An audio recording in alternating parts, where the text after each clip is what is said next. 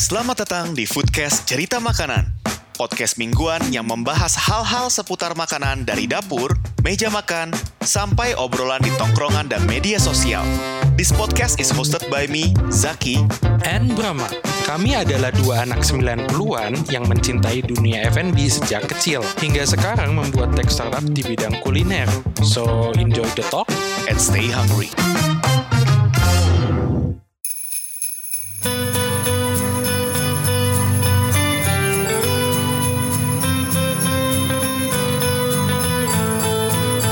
Kembali lagi di Foodcast Cerita Makanan bersama gue Zaki. Dan Brahma, Di minggu ini kita upload dua kali. Kemarin kita udah ada upload pada hari ibu dan sekarang kita ada upload untuk eh, merayakan hari Natal bag- eh, untuk yang merayakan. Jadi buat yang teman-teman kita yang merayakan hari Natal, selamat merayakan ibadahnya masing-masing. Buat yang tidak merayakan Natal, mari kita berlibur. Ngomong liburan Bram, lagi di mana Bram sekarang? lagi di kaki gunung, Di kaki gunung. Kaki gunung mana tuh? dekat dengkul.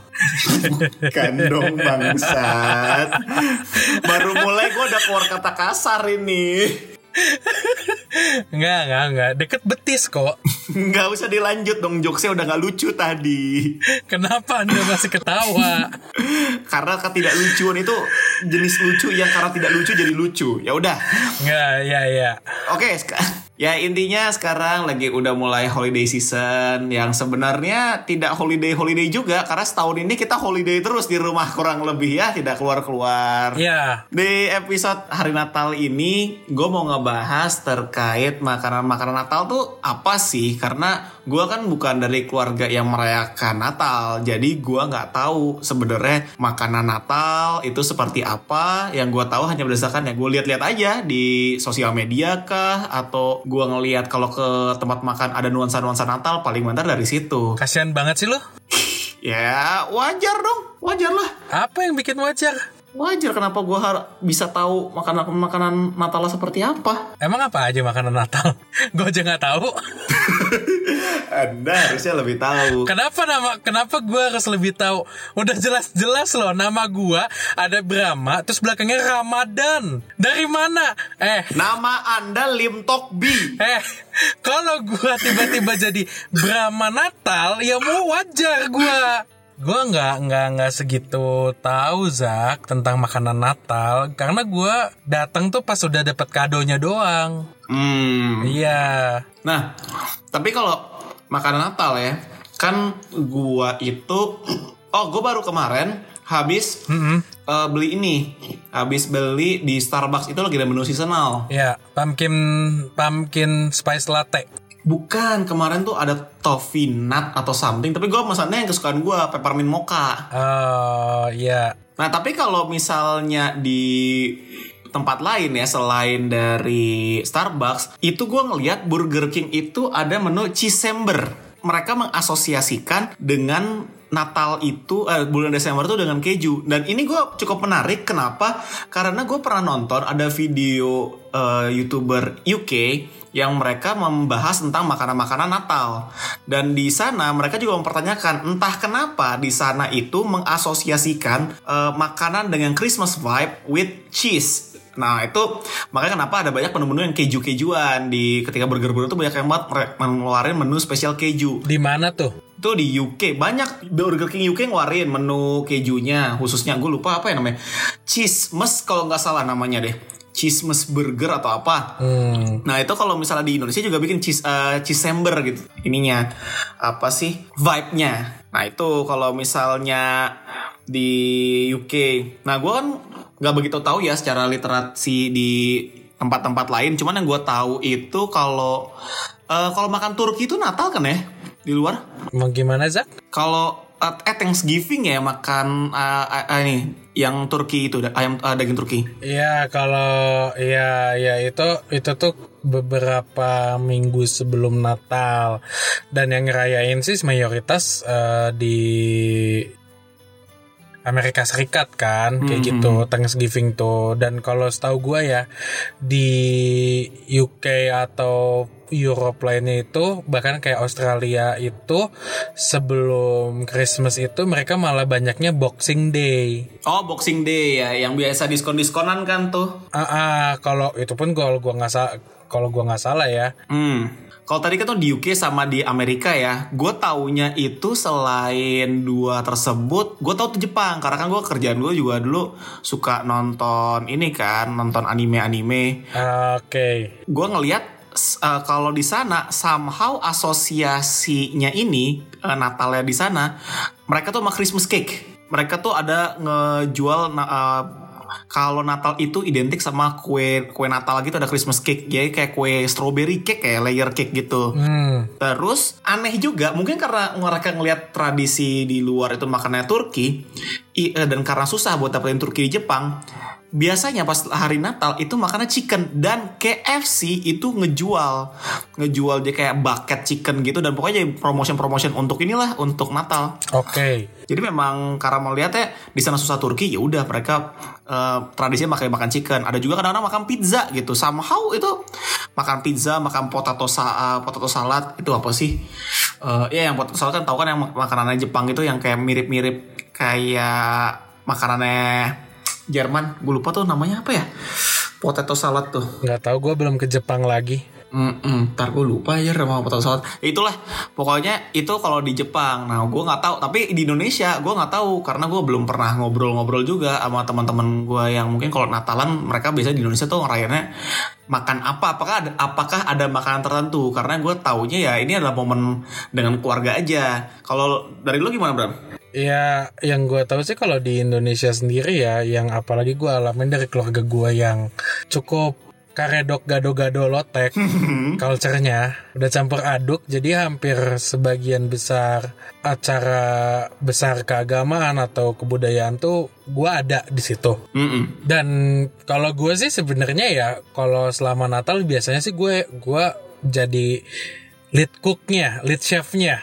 Gue yang ngatur harus masak apa dan kapan harus beres. Tapi eh, kalau di keluarga gue sendiri itu biasanya keluarga besar gue ngumpul semua Mm-mm. eh dan nggak tentu sama makanannya juga sih. Bisa aja kadang-kadang keluarga gue tuh ya dalam acara Natal dan Tahun Baru gini ya kita liburan bareng nyari private island atau private beach kayak gitu yang kurang lebih ya jadinya kayak uh, villa gitu ya untuk kumpul keluarga besar semuanya cuman kan sekarang lagi covid kan dan Heeh. paling sering sih dari keluarga besar gua tuh adalah kumpul ke buyut lah ya yang paling dituain kayak gitu biasanya Mm-mm. Heeh. Nah di situ tuh ya udah simple lah ya kalau di keluarga gua sih ada acara tuker kado dan sebelum tuker kado itu ya ada misanya em, berdoa dulu sebagian dari keluarga gua eh, sebelum masuk acara tuker kado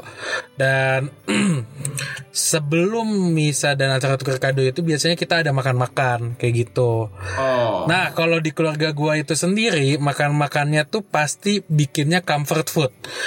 Eh, nah, untuk keluarga gua itu comfort foodnya ya kayak bikin gula sup, terus eh, bikin puding yang pakai fla putih, yang puding coklat, semacam hokben kayak gitu. Jadi eh, biasanya sih setiap anggota keluarga itu nyumbang makanannya apa dan eh, nyumbang resep juga apa yang harus dimasak di tempat kayak gitu. Kalau kadang-kadang kan orang ada yang bawa kue kan nggak usah masak di tempat kan, Iya. kayak gitu. Nah, cuman yang paling sering dari keluarga gua itu mix antara western sama kantonis kayak gitu.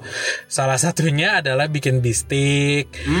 uh, bistik saus mentega, terus uh, kadang-kadang suka ada spaghetti, ada gula sup, kadang-kadang nggak menentu sih. Cuman yang pasti dipilih itu adalah apa yang bikin kita nyaman dan yang dicari itu makannya karena kan kita di Indonesia sendiri musim hujan kan Iya, iya kayak gitu. Jadi nyarinya yang enak di perut lo, yang anget, yang apa ya punya nuansa sendiri mungkin karena kita nyari makanan-makanan itu. Hmm. Kenapa banyak orang ngerasain kalau di hari Natal di Christmas itu uh, warm and loving gitu loh. Hmm. Nah, dari itu sih kalau keluarga gue kayak gitu dan biasanya tiap keluarga nyumbang ada yang harus bantu masak dan kita suka ada bergilir gitu siapa yang harus mimpin masaknya kayak gitu. Karena uh, kita lihat dari majority kayak semacam yang di vote mau masak apa sih dan yang paling banyak disetujuin kayak gimana. Hmm. tuh yang ada di keluarga gua Hmm. udah sih abis itu bisa bagi-bagi kado. Nah di situ tuh kita ada semacam eh, apa ya eh, ngobrol santai ngopi santai gitu menjelang malam. Itu eh kayak minum teh panas pakai pakai spekulas. Tahu nggak lo spekulas? Tahu tahu tahu. itu eh, biskuit zaman dulu tuh biskuit jahe kan? Ya jahe. Kalau nama brandnya? Apa nama brandnya di Indonesia tuh ada jual Verkade. Ah iya Verkade. Dia tuh kan ada gambarnya kan khasnya. Nah biasa kita makan kayak gitu sambil ngobrol. Nah paling sering itu adalah di teras buyut gua di jalan Jamuju. Hmm. Enak banget tuh rumah masih rumah Belanda. Tanaman udah rimbun Taman tuh udah bener-bener dari zaman gua belum direncanain. Bokap nyokap juga belum ada rencana. Di situlah kayak apa ya kayak ngobrol-ngobrol aja catching up kayak sama sepupu gua sama saudara gua ada apa. Nah itu biasanya dari pihak kayak nenek gua gitu. Nah nanti kad- eh, di hari besoknya Hmm. tanggal 26 oh ya gue lupa. Kadang-kadang itu nggak pas tanggal 25-nya kadang-kadang mungkin tanggal 25-nya ada yang ke gereja dan segala macam. Jadi kita baru ngacaranya tanggal 26 kayak gitu. Ataupun sebaliknya. Kayak gitu. Cuman karena kayak lagi covid kayak gini kan jadinya eh, masing-masing kan kayak gitu. Dan keluarga besar gua nggak nggak bisa ketemu se- sebanyak itu kayak gitu karena keluarga besar gua tuh hampir adalah di setiap pulau kayak gitu kalau kata bokap gua. Oke. Bahkan dulu seingat gua di Natal udah lumayan lama sih 10 tahun lalu tuh ada om gua yang bukan om ya, omnya bokap gua sih lebih tepatnya.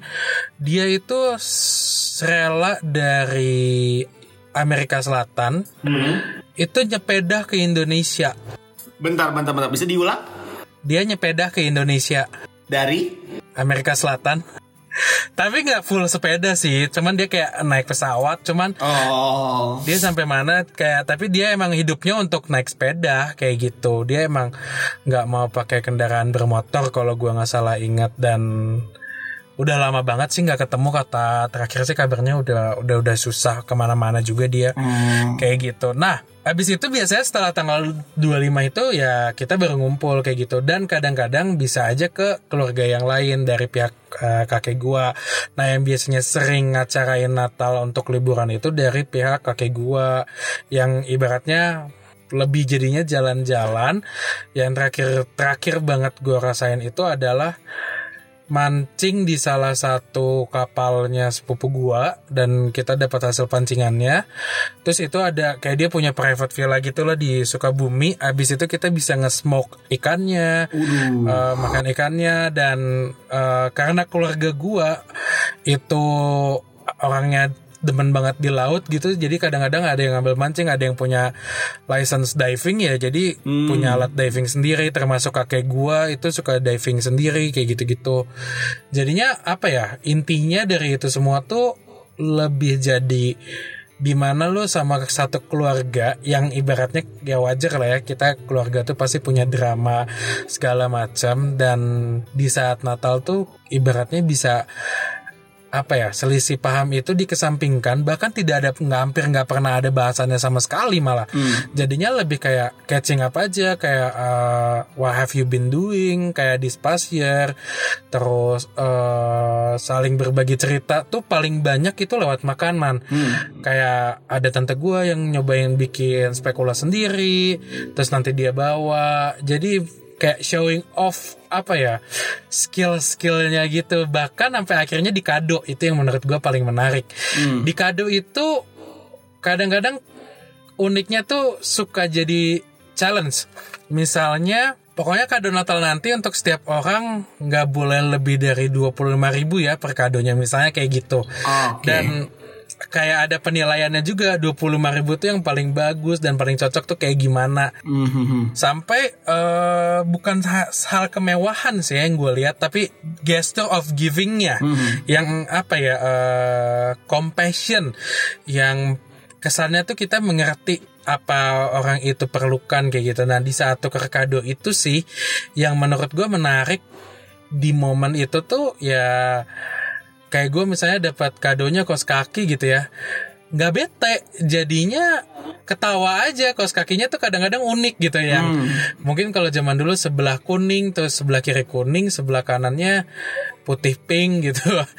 Jadinya malah jadi bahan cerita ketawa-ketawa dan kadang-kadang sih itu buat sebagian besar di keluarga gue itu hal-hal yang dikangenin untuk ditunggu setiap tahun kayak gitu. Apalagi kalau udah mendekati tuh di grup-grup tuh pasti udah ngebahas "Eh, Natal ini mau gimana segala macam dan lain-lain. Hmm, emang berarti beda-beda ya culture di tiap keluarganya. Beda-beda. Soalnya ini gue ngecek ngecek di internet itu ada juga sih kayak makanan-makanan tradisional untuk makanan Natal di Indonesia tuh biasanya tuh apa sih? Ada kalau di Indonesia Timur tuh ada banyak kayak makan ayam rica-rica atau ikan rica-rica. Itu ternyata termasuk makanan yang buat Natal juga. Ada Ah, ah. nasi jahe, terus ada eh, kayak apa sih namanya? Ada kohu-kohu, ada ikan arsik juga di Medan, ada ada sop kacang merah dari Manado juga. Oh ini yang Brenebon ya apa sih? Ya, sop Brenebon. Heeh.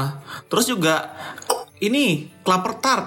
Ternyata yang saya salah satu makanan kaleidoskop 2020 saya itu makanan Natal ternyata. Eh, iya, ta- tapi lu perhatiin deh sama makanan-makanan yang ada, itu makanan yang ngangetin perut banget. Iya sih, lu juga eh iya sih bener-bener. Either tematiknya kalau gue ngeliat ya, entah ada hubungannya sama ayam Ya. atau yang ngangetin, ngangetin kan juga ada faktornya kan mungkin karena ada main dari rasa gingernya juga. Iya, Ah, terus atau rasa cinnamonnya kan kalau kelapa tart kan dari cinnamonnya kan ada rasa rasa aroma kayak gitunya. Eh, ya kelapa tart ya. Mm-mm, soalnya ini ternyata kenapa kelapa tart itu jadi ini juga di salah satu customer itu eat ketika lagi Christmas itu karena dari zaman penjajahan Belanda dulu kan zaman dulu Belanda kan kelapa tart kan makanan Belanda kan Ya, itu terus ada lagi nih Bram ternyata ada namanya ayam kodok kayak lu pernah nyebut ya ayam kodok deh Iya, nah itu sering banget tuh gue lupa nggak mention tadi di keluarga gue tuh pasti ada yang bawa, ayam kodok di Bandung. Jadi dulu belinya tuh di Jalan Cihampelas. Hmm. Kayak gitu lo mesen. Jadi dia tuh ayam dicincang, Mm-mm. tapi akhirnya dibentuk lagi jadi ayam utuh gitu makanya namanya ayam kodok gitu karena lebih mirip bentuk kodok sih Oh, jadi karena bentuknya itu kayak ayam utuh kan? Kayak ayam utuh kan terlihat dari luarnya kan? Iya iya benar. Dan tapi itu ayamnya tuh isinya udah cincangan semua kayak gitu. Tapi yang gua salut adalah dia tuh bisa apa ya eh, kasarnya bahasa Inggrisnya tuh intact gitu bentuk kulitnya tuh jadi di saat lu potong tuh lu dapet gitu Oh, utuh ya, utuh ya. beneran utuh kayak gitu dan beneran beneran enak deh lu belum nyoba ya di Bandung udah lumayan lama ya Belum. Iya, jadi biasa tuh dipakai kayak gitu. Nah, sebenarnya eh, yang paling identik di kris eh, makanan Natal itu adalah biasanya di keluarga gua itu dan banyak sih yang gua lihat tuh perhatiin itu jatuhnya lebih agak-agak makanan Belanda jatuhnya yang gua perhatiin. Bahkan kan kayak bistik yang dibawa yang udah kecampur dengan kantonis itu kan bistiknya kan sebenarnya asalnya dari Belanda kan itu yang gue tahu. Terus eh, kadang-kadang juga ada semur kayak gitu. Oh iya ya. Eh, perkedel. Itu kan makanan-makanan Belanda kan sebenarnya. Mhm. kayak gitu. Nah eh dan ini sih yang jadi identik itu selalu makanan tengah jadi lu pa- pasti ngumpulnya di meja. Oh iya buat sharing ya. Iya meja tengah yang besar. Ya kalau bayangin mah yang kayak di film-film lah ya. Nah di situ tuh emang bener-bener lu ngumpul sama sama keluarga lu kayak gitu. Dan nanti tuh yang unik ada lagi nih. Di saat nemuin ada yang makanan enak pasti minta resep Hmm. kayak gitu. Contohnya ayam kodok. Nah kebetulan nyokap gua tuh sama gua tuh bisa bikin ayam kodok. Cuman kenapa kita kadang-kadang milih ketim beli beli karena effort yang dikeluarkan sama beli itu mendingan beli capek coy itu bikin Iya, soalnya nih ya mungkin buat yang teman-teman nggak tahu ayam kodok, saya juga belum tahu, makanya saya cari tahu. Ayam kodok itu adalah makanan yang dikenalkan oleh orang Belanda pada zaman penjajahan dulu juga. Nah itu tuh bahkan apa dah? Menurut sejarawan kuliner Fadli Rahman mengutip Jakarta Post, ayam kodok adalah kreasi orang Belanda menggunakan bahan yang tersedia di Indonesia, terinspirasi dari hidangan daging cincang ala Prancis yaitu balotin dan galantin. Mungkin nih gue takutnya salah eh, salah sebut. ya Nah, resep ayam kodok pertama kali muncul ketika koki Belanda menerbitkan buku masak Indonesia. Dalam buku tersebut tercantum resep gefuldekip atau ayam utuh isi daging cincang dan rempah.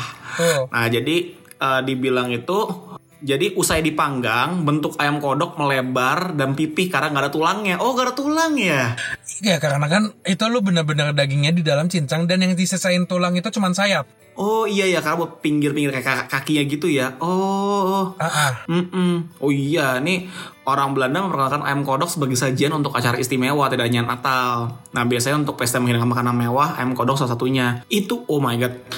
Ayam kodok tuh ukurannya ya, bisa sampai 15 sampai 20 orang. gede Zak ya. Se- sebenarnya kalau gua lihat ya kayaknya tuh dia dua ayam tapi jadinya satu ayam. Karena kan lu bener-bener padet banget kan cincangannya kayak gitu. Dan identik banget lah wortel buncis lada apalagi ya tomat.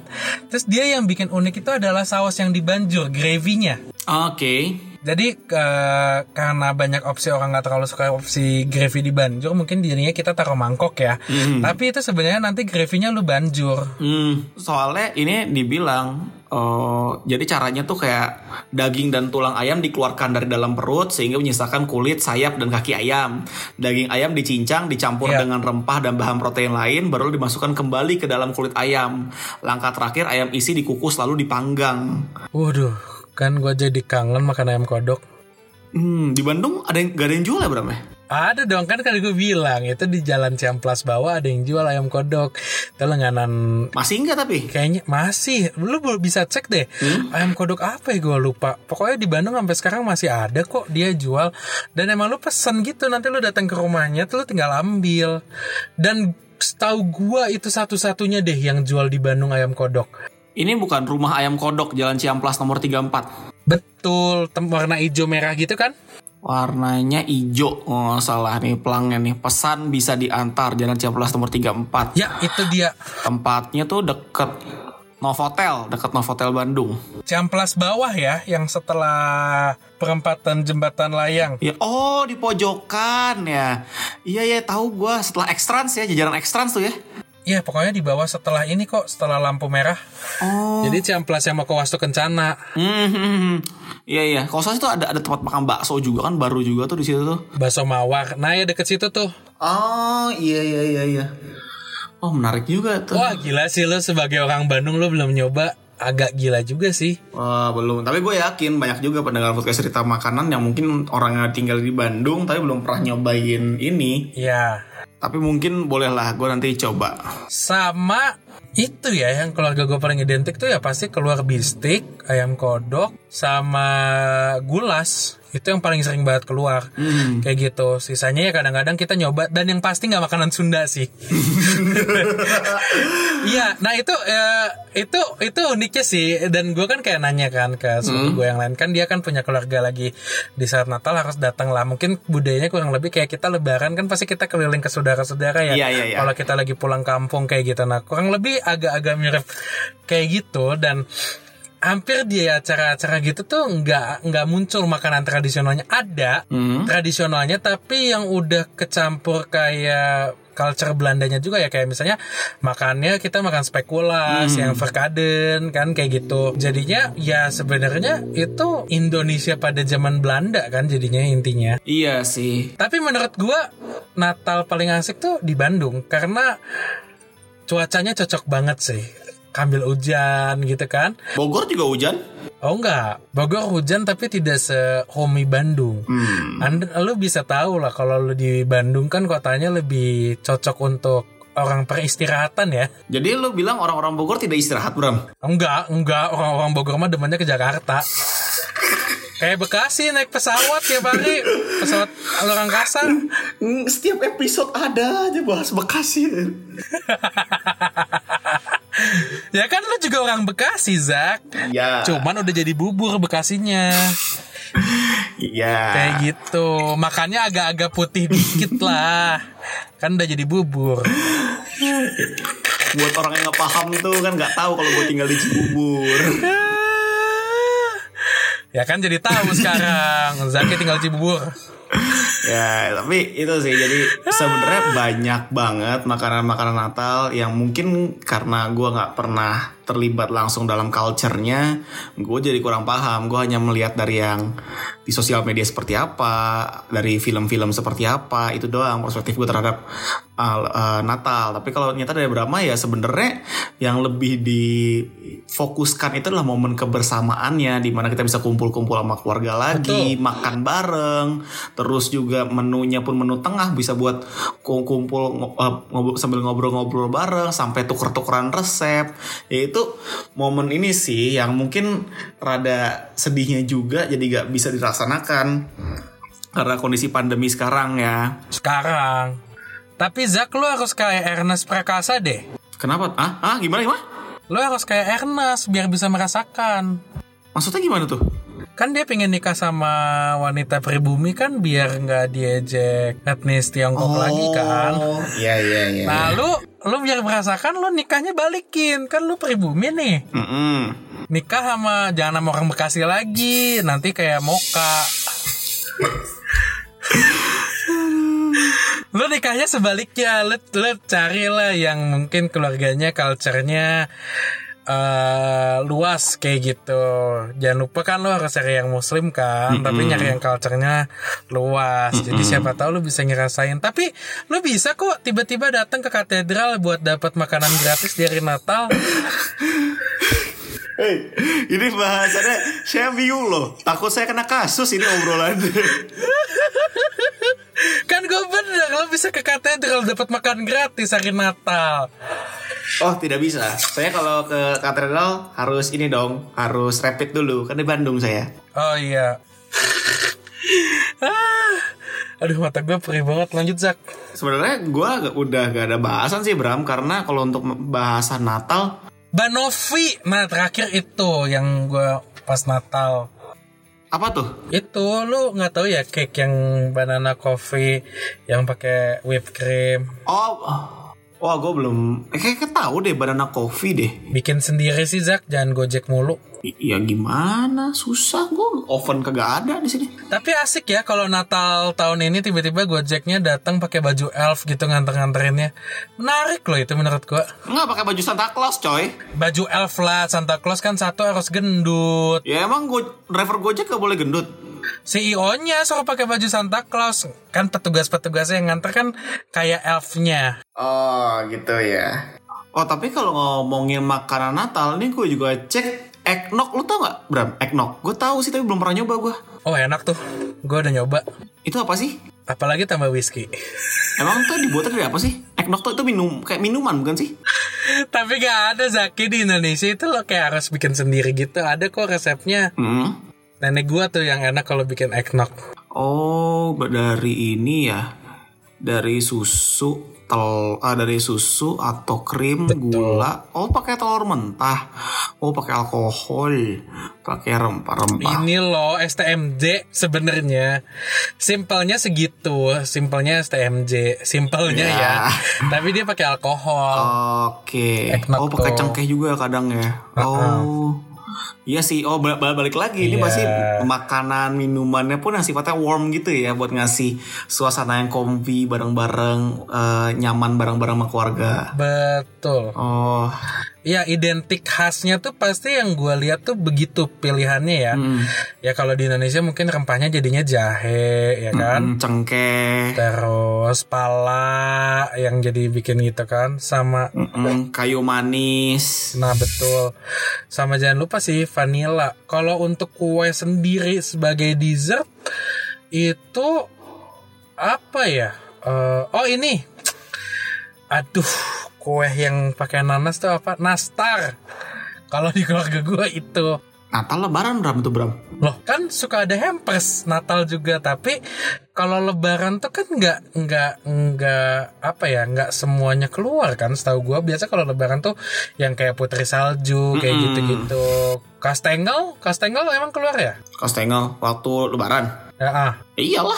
Oh iya keluar kasihan ya mahal. Kastengel mahal banget. Iya, kalau yang apalagi kalau standar ketinggian Kastengel ya memang makin mahal lah. Nah itu dia akhirnya keluarga gua tuh biasa semuanya bikin sendiri. Bahkan kurang lebih sama kok eh, kue-kue khas Lebaran sama kue-kue Natal itu akhirnya juga sama. Tapi kalau Natal tuh yang paling sering gua lihat tuh ya nastar, kastengel. Udah sih itu doang yang gua sering lihat. eh dan ya karena keluarga gua pencinta butter dan kalau kita beli nggak ikhlas sangat mahal Hmm. karena kita tahu cara bikinnya juga dan akhirnya mendingan kita bikin sendiri gitu dengan apalagi lebih puas kan ya nuangin butternya ya aduh Nih, buat yang nggak tahu, tolong ya, butter sama uh, blue band itu bukan butter. Blue band itu margarin. Band itu margarin. Margarin. Kalau butter itu bahasa Indonesia itu mentega. Dibedakan. ya itu dari hew- hewani Ya, butter butter hewani hewani. margarin tuh nabati Abati itu sering banyak orang tuh ketuker nyebut ini nyebut blue band itu dibilang mentega padahal tuh margarin. Kalau butter tuh biasanya tuh mereknya tuh kadang uh, Anchor, Helvetii, terus apa lagi tuh banyak tuh merek-mereknya yang harganya memang mahal. bukan mahal Zak Apa? sepantasnya sebenarnya menurut gue Iya, memang sepantasnya. Tapi buat orang-orang kan yang taunya margarin Blue Band beli di eh, Indomaret bisa 12.000 ribu sekotak gede itu kalau misalnya dibeli anchor di supermarket bisa 30.000 ribu paling minimal.